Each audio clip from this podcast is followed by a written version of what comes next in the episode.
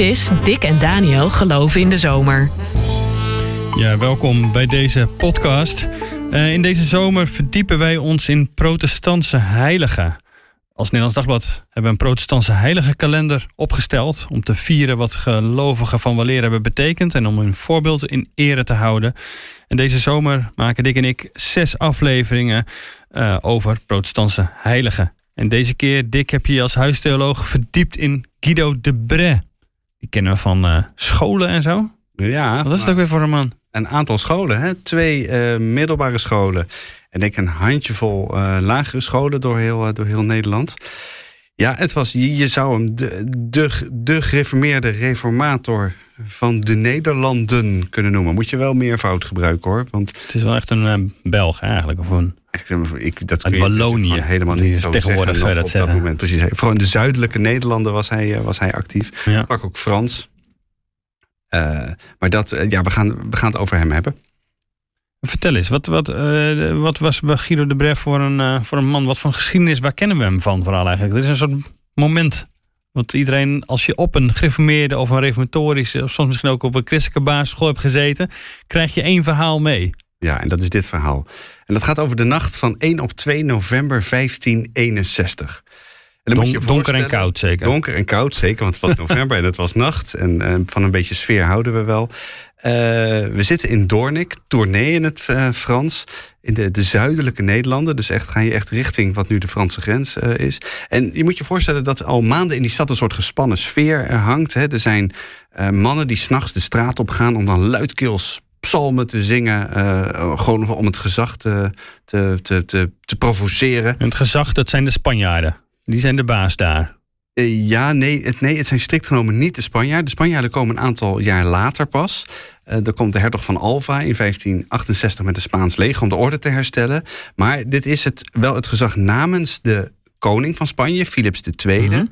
Uh, namens hem regeert zijn, zijn zus in Brussel, de landvoogdes, uh, Margaretha van, van, van Parma. Parma. En zij moet op een of andere manier die, uh, die, die, die 17 gewestjes, 17 verschillende gebiedjes, die, die dan van haar broer zijn, die, die via via heeft, heeft geërfd, moet ze op een of andere manier in de, in, de, in bedwang houden. Mm. Die moet ze, uh, dat moet ze in goede banen leiden. En wat daar zeker niet bij helpt, is dat er uit, uit Duitsland en later uit Genève een soort nieuwe religieuze wind gaat waaien. Er komen nieuwe, er komt de, de nieuwe leer, wordt dat, wordt dat in de volksmond genoemd.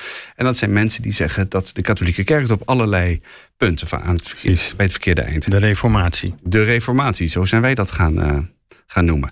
En uh, het is dus echt, zeker in, in, in Doornik, waar dan uh, van Parma op dat moment verblijft, op, op doortocht, is, is, het, is het dus uh, spannend. Want er zijn mensen die dus ook die, die nieuwe leer gebruiken, misbruiken zou je kunnen zeggen, om, om, om allerlei maatschappelijk ongenoegen aan de kaak te stellen. Uh, dus, die, dus, die, dus er zijn van die mannen die daar psalmen zingen door de stad uh, trekken. Je moet je voorstellen trouwens dat dat niet als je, uh, als je geformeerd of reformatorisch of, of hervormd of, of, wat van ook protestants bent. Dan ken je waarschijnlijk de, de Geneefse psalmen. dat, was, dat waren dit nog niet. Want die komen pas een aantal jaar later op, Hm. op de markt. Die is in Genève bij, bij, bij Calvijn en dan een paar jaar later ook, ook in de Nederlanden. Uh, maar het was al wel gebruikelijk dat op de wijs van allerlei populaire volksliedjes... Nou ja, uh, werden dan de psalmen gezongen. Werden de psalmen gezongen. En dat was een statement om dat te doen. Namelijk een statement tegen de katholieke kerk. Ja. En daarmee ook tegen het, weer tegen het gezag, zeg maar. En daarmee tegen het gezag, want die hielden op allerlei manieren natuurlijk heel dicht op elkaar zat. Precies. Ja. en uh, men, uh, men, heeft daar aan, aan het hof het gevoel dat hij, er is een soort radicale geformeerde predikant actief in de buurt, Guido de Bray. En mensen denken van ja, maar dat heeft hij op zijn geweten. Hij voedt dit, deze onrust, deze maatschappelijke onrust. En wat hij dan doet, is dus in die nacht van 1 op 2 november 1561 naar, naar het kasteel. En hij smijt dan een pakje over de muur. Met daarin een document dat wij later de Nederlandse geloofsbeleidenis zijn gaan noemen, de Confessio Belgica. En een begeleidende brief waarin hij uitlegt dat ze echt niet als gereformeerden erop uit zijn om het gezag omver te werpen. Hmm. En dus dat... hij legt eigenlijk uit, het is eigenlijk een uitleg van wat die gereformeerden willen. En dat het niet tegen het overheidsgezag Exact, is. exact, exact. En vooral dat laatste, dat moet je bij hem je heel erg goed realiseren. Er waren op dat moment ook allerlei uh, dopersgroepen uh, actief in de Nederlanden. En uh, die wilden dat wel graag. Die hadden een soort ideaal van het Koninkrijk Gods dat, dat gesticht moest worden. Hadden ze in 1534 hmm. ook geprobeerd. In, uh, in Münster. Dat was een gruwelijke mislukking geworden. En is ook op een hele nare manier. Uh, slagpartij. Eén grote slagpartij. En uh, Margaretha van Parma en het, en, het, en het bestuur in Nederland denken: ja, alles best, maar dit niet meer. De Nederlanden blijven katholiek en blijven vooral rustig. Ja. Nou, dat pakje dat vliegt dan over de muur. We weten dat uh, zij, uh, de landvoogdes, dat ook dat, dat document onder ogen heeft gekregen. Want het was voor haar bedoeld. Hij gooide het over de muur als voor haar. Margaretha, ja. hier heb je um, de uitleg van ons gereformeerden, hoe wij in het leven staan. Precies. Zoals een aantal jaar daarvoor Calvijn zijn beroemde institutie, hè, dat is het beroemde dikke boek mm -hmm. van, uh, van Johannes Calvijn, de reformator uit Genève, uh, die dat heel bewust had opgedragen aan, uh, aan de Franse koning, om aan hem uit te leggen. er doen allerlei wonderlijke verhalen over ons de ronde. U moet misschien even lezen misschien wel een beetje ingewikkeld geweest voor de koning van Frankrijk. Niet allemaal lezen. Maar, Allah, u moet even lezen waar het ons werkelijk om te doen ja. is. En uh, Guido de Bret probeert het op dezelfde manier. Dit ja. zijn wij, dit geloven wij. En uh, u hoeft dus niet bang voor ons te zijn. Nee. En hoe werd het opgevat? Nou, niet best. Hm. Uh, de, ja, de vraag is natuurlijk nog maar of Margarethe van Parma daadwerkelijk dat hele document gelezen heeft. Maar ze wordt woest, zeker, wordt zeker woest uh, als ze zich realiseert dat dat dan in druk, hè, ik bedoel, de, de, de boekdrukkunst heeft enorm bijgedragen Hmm. aan de verspreiding van de reformatie. Als dat boekje de ronde gaat doen. Ja, er was niet één versie van. Het was niet de ene versie die over de muur gooide. Er waren er al meer. Nee, inmiddels werden met name in de Duitse stad Emden werden er uh, een heleboel exemplaren uh, van dit geschriftje gedrukt, werden verspreid. Uh, dat, dat deed de ronde in het, in het Frans, in het, in het, in het Nederlands. En, en, en, en, en, en Guido de Bremen die moet dan vluchten. Die, die gaat er vandoor. Die gaat Hmm. in de buurt van Valenciennes wonen en, en werken. Tegenwoordig is dat de Franse stad. Lag toen nog net zeg maar, in het gebied van de, van de Nederlanden. Dat zijn de Belgen verloren. Ja, precies. Dat zijn de Belgen verloren ooit. Um, en ja, wat er, dan, wat er dan vooral gebeurt, is dat de, de, de, de maatregelen tegen de protestanten toenemen. Het wordt steeds strenger. Dus het hele effect dat Guido de Brij probeerde te bereiken door uit te leggen: uh, wij zijn niet in, in, in, in, in tegenspraak met de, met de overheid. U hoeft niet bang voor ons te zijn. We willen zelfs het beroemde artikel 36 van de Nederlandse geloofsbelijdenis gaat over dat de overheid de ware godsdienst bevordert. Iets met de SGP, hè? moet ik dan aan denken? Ja, dat is. Kijk, en het is dus goed om te realiseren dat de hele. Bedoel, wij vinden dat een heel raar artikel vandaag de dag. Als je dat met moderne ogen uh, bekijkt. Van hé, maar waarom moet de overheid uh, uh, de ware godsdienst bevorderen? Ja, dat zou de SGP zegt, de overheid moet de ware godsdienst bevorderen. Precies. Nou ja, de, de vraag is maar of de SGP dat op die manier nog steeds zo hard Precies, zegt, maar, maar even als even zwart-wit. Dat is ja. zeg maar. En, maar tegelijk, je zegt dat is klinkt ons heel raar in de, in de, oren, maar hoe kwam dat bij, bij Guido de B? Hoe bedoelde hij het? Nou, hij bedoelde zelf juist vooral te zeggen, volgens mij, is dat geformeerd geloven en de overheid helemaal niet op gespannen voet staan met elkaar. Maar dat ze uiteindelijk samen het, het, hetzelfde doel dienen. Hm. Kijk, en wij denken natuurlijk van ja, maar dat is enorm intolerant. Hè? Ik bedoel, laat de overheid uh, vooral afblijven van het, van het ware geloof. Dat mensen dat lekker zelf weten. Uh, maar toen was dat juist een, een statement dat de, de geformeerden en de overheid elkaar dus op een bepaalde manier aanvullen met, met, uh, met elk hun, hun eigen taak. Ja. Dan krijg je natuurlijk in de 19e eeuw en begin van de 20e eeuw krijg je een hele discussie over. De, de, de gewone geformeerden die, die schrappen dan een deel uit dat artikel 36. Uh, dus vandaar dat je het bij de ChristenUnie niet aantreft, deze gedachte, maar bij de SGP weer wel. Het is een hele lange geschiedenis, maar hier komt dat, hier komt dat vandaan. Ja, precies. En het was niet de bedoeling dat dat uh, de overheid dat zozeer zou bevorderen, als wel we zijn samen voor dezelfde doel. En dat wil ik vooral benadrukken. Maar goed, zo kwam het dus niet over. En uiteindelijk liep het ook niet helemaal fijn af met Guido de Bret. Nee, het liep helemaal niet fijn af uh, met hem. Hij, uh, kijk, hij heeft altijd eigenlijk zijn hele leven lang als een soort, als een soort balling, een soort rondreizende prediker uh, gewerkt. Kwam op een gegeven moment al vrij jong, was, was, was glas- en loodschilder, kwam vrij jong al onder invloed van, van Calvijn, hè, die, die reformator uit Genève, en gaat zijn boodschap dan uh, verkondigen in, uh, vooral in de, in, de, in de zuidelijke Nederlanden, -hmm. wat wij nu, nu België noemen. Um, maar dan komt hij na dat hele debakel in Doornik in, in Valenciennes terecht. En uh, aanvankelijk houdt hij daar vooral wat we hagepreken zijn gaan noemen. Dus openlucht samenkomsten. Want in de stad uh, moet, hij, moet hij toch een beetje, uh, een beetje oppassen. En daar breekt dan in 1566 de befaamde beeldenstorm uit. Die trekt als een soort lopend vuurtje door, door de hele Nederlanden. Worden al die kerken schoongeveegd, zeg maar even zeggen. Heilige van beelden eruit. Beelden. Uh, wat En- is het? Altaarstukken, uh, kunstwerken. Muurschilderingen. uh, sneuvelt. En er is een hele lange discussie of dat nou precies lag aan het feit dat al die Nederlanders, Nederlanders dus tussen hoge komma's, of die nou zo ontzettend protestant, zo ontzettend gereformeerd ineens waren geworden. Of dat er ook heel veel maatschappelijke woede in zat. Uh, woede over hoge belastingen, over streng overheidsoptreden. Mensen waren het ook gewoon spuugzat. En er zullen ook wel een soort uh, beroepsdemonstranten tussen gezeten Ja. hebben, zoals je die ook vandaag ziet. Uh, maar dat zorgt ervoor dat in Valenciennes de, de, de katholieke geestelijkheid er vandoor gaat. En uh, Guido de Bray een tijdje lang in de grote stadskerken zelf kan, kan preken. Dat was promotie. Dat was absoluut promotie, maar dat duurde helaas niet heel lang voor hem. Want uh, de, de, de landvoogdes is het dan vreselijk zat en stuurt een leger naar, naar Valenciennes. Die slaan beleg rond de stad. En uh, nou, daar is dat niet helemaal op berekend. Echt om hem te pakken. Echt om hem te pakken, maar ook vooral om de orde te herstellen. Ja. Ze was zich rot geschrokken door die beeldenstorm. Ze zag natuurlijk uh, dat haar, haar broer in het verre Spanje met afgrezen keek naar wat voor potjes ze ervan maakte. Een opstand in een in deel van zijn uh, rijk kan hij niet gebruiken. Nee, dat wilde hij natuurlijk niet hebben. Dus zij denkt, ik sla dit keihard neer. Ehm, de Bray weet samen met een, met een collega-predikant en de zoon van een, van een bevriende stadsbestuurder... s'nachts door de linies heen uit de belegerde stad te, te ontsnappen. Ze komen een paar dagen later, uh, komen ze hongerig bij een herberg uh, aan, willen daar wat, daar wat eten. En dan valt vooral die jongen, die, die, die zoon van die stadsbestuurder, valt heel erg op door zijn mooie kleren. Dus ze lopen in de gaten, ze worden opgepakt. En, en Guido de Brek komt uiteindelijk in de gevangenis en wordt een aantal maanden later opgehangen. Dus dat is een, een vrij tragisch einde voor, een, voor, deze, voor deze man die verder ja. zijn hele leven lang en zelfs op het, op het schavot nog uh, uh, mensen oproept om de overheid trouw te blijven. En dat juist hij door, de, door diezelfde overheid zo ontzettend streng is aangepakt, is eigenlijk heel erg, heel erg tragisch. Want is hij daarin, is het een soort opstandeling eigenlijk meer? Of zou je het meer een, een martelaar of misschien net vanaf de andere kant een ketter uh, moeten noemen? Ja, dat is natuurlijk een ontzettend lastige vraag. Het is ook maar net aan wie je dat vraagt.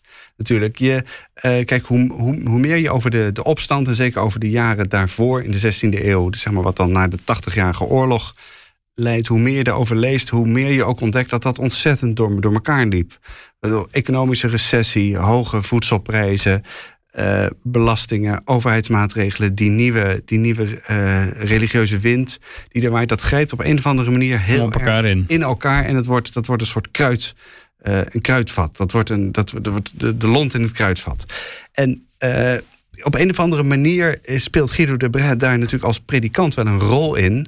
Maar heeft hij ook zelf voortdurend geprobeerd om die rol niet te spelen, om eerder de, de angel uit het conflict te halen. door te laten zien dat geïnformeerd zijn helemaal niet betekende dat je een opstandeling was. Dat je een goede burger kon zijn. Ja. En dat het daar dus helemaal niet om te doen was. Dat het om de hervorming van de katholieke kerk. Ja, maar omdat zoveel was. onrust uh, gaf, is, hij, is dat zijn dood geworden eigenlijk. Ja, precies. Ja. was niet uit elkaar te nee. trekken. Die Nederlandse geloofsbelijdenis heeft eigenlijk wel grote invloed in afval in Nederland gekregen. Zou je kunnen zeggen. Als een van de uh, geloofsbelijdenissen. Je hebt uh, onder protestanten een soort gebruik van drie formulieren van eenheid. Ja. Hoe zit dat precies? Hoe is dat zo gekomen dan? Ja, daarvan is dus deze, uh, deze uh, geloofsbelijdenis, uh, deze Nederlandse geloofsbelijdenis uit 1561 is er dus eentje van. Twee jaar later verschijnt in, in, in Duitsland, in de, in de Pfalz, verschijnt de, de zogenaamde Heidelbergse catechismus. Een soort vraag-antwoord over wat, wat geloven. Bijna een, een hele moderne het is het onderwijsmethode voor die hmm. tijd, zou je kunnen zeggen. En dan krijg je tot slot in 1618, 1619 krijg je daarbij de, de Dordtse leerregels. En die, die dan ook weer even een, een aanscherping, met name van de, uh, van de gedachten van de, de, van de uitverkiezing in de Nederlandse geloofsbelijdenis zijn. En ja, die drie die worden dan op die beroemde synode van Dordrecht in 1618, 1619, worden zeg maar het keurmerk, zeg maar de beleidenis, de, de bril waarmee geïnformeerden in Nederland de, de Bijbel lezen. Uh, en dat, dat functioneert in meer of mindere mate tot op, tot op vandaag zo voor, voor geïnformeerden. Ja, dus die invloed van Guido de Bray is wel echt heel groot. Ja, ja, in de noordelijke Nederlanden dus, waar die eigenlijk niet of nauwelijks geweest is. Het was echt een zuiderling. En uh, het is ook heel wonderlijk natuurlijk achteraf dat, dat uh, wat wij dan nu België noemen, dat daar aanvankelijk die, uh, die, die hele geformeerde leer zeg maar, goed, goed aansloeg. En ook het, de, de, de, de Lutheranen voet aan de grond kregen. En dat dat nu vandaag de dag weer totaal katholiek gebied is. Ja. En ook Nederland wordt vaak Calvinistisch genoemd. Um, en, Guido de Bray was een, een, een leerling van Calvijn. Um, hoe zit dat precies met dat Calvinistische van, van Nederland? Kun je daar, eh, is daar ook de invloed van, van Guido de Bray nog in, in te zien? En, en hoe ver is daar sprake van daadwerkelijk? Uh, volgens mij moet je als eerste zeggen dat het vooral dat het hele idee van Nederland als een Calvinistisch land, dat dat vooral een, een mythe is. Dat is niet, dat kun je niet op die manier terugvoeren. Het was niet zo dat, dat, dat in de Nederlanden of in de noordelijke Nederlanden, wat dan later Nederland wordt, uh, dat, dat mensen daar massaal uh, geïnformeerd werden of zo, Calvinistisch werden. Even om die twee als, als, als dezelfde hmm. termen te, te gebruiken. Dat het wordt natuurlijk vaak gebruikt als cultuur van wij zijn harde werkers, wij zijn Calvinistisch. Ja, ja, en dat daarom, omdat wij Nederlanders altijd zo ontzettend van die harde werkers zijn geweest, sloeg die hele theologie van Calvijn zo lekker bij ons, uh, het sloot zo lekker bij ons aan. Hè, want wij, wij, wij, wij, wij, wij, wij vonden de gedachte dat als je gewoon goed je werk doet, dat je daarmee aan een roeping, hè, Gods roeping, uh, uh, voor met je leven beantwoord, zouden, zouden we heel aantrekkelijk hebben gevonden.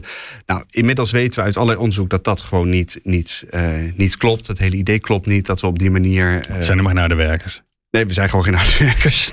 we zijn best harde werkers. Maar dat daar niet zozeer nee. een verband uh, zit. Kijk, wat wel heel erg aansprekend was in de noordelijke Nederlanden. toen die afstand wilde nemen uiteindelijk van de koning van, van Spanje. en zelf als republiek verder wilde gaan.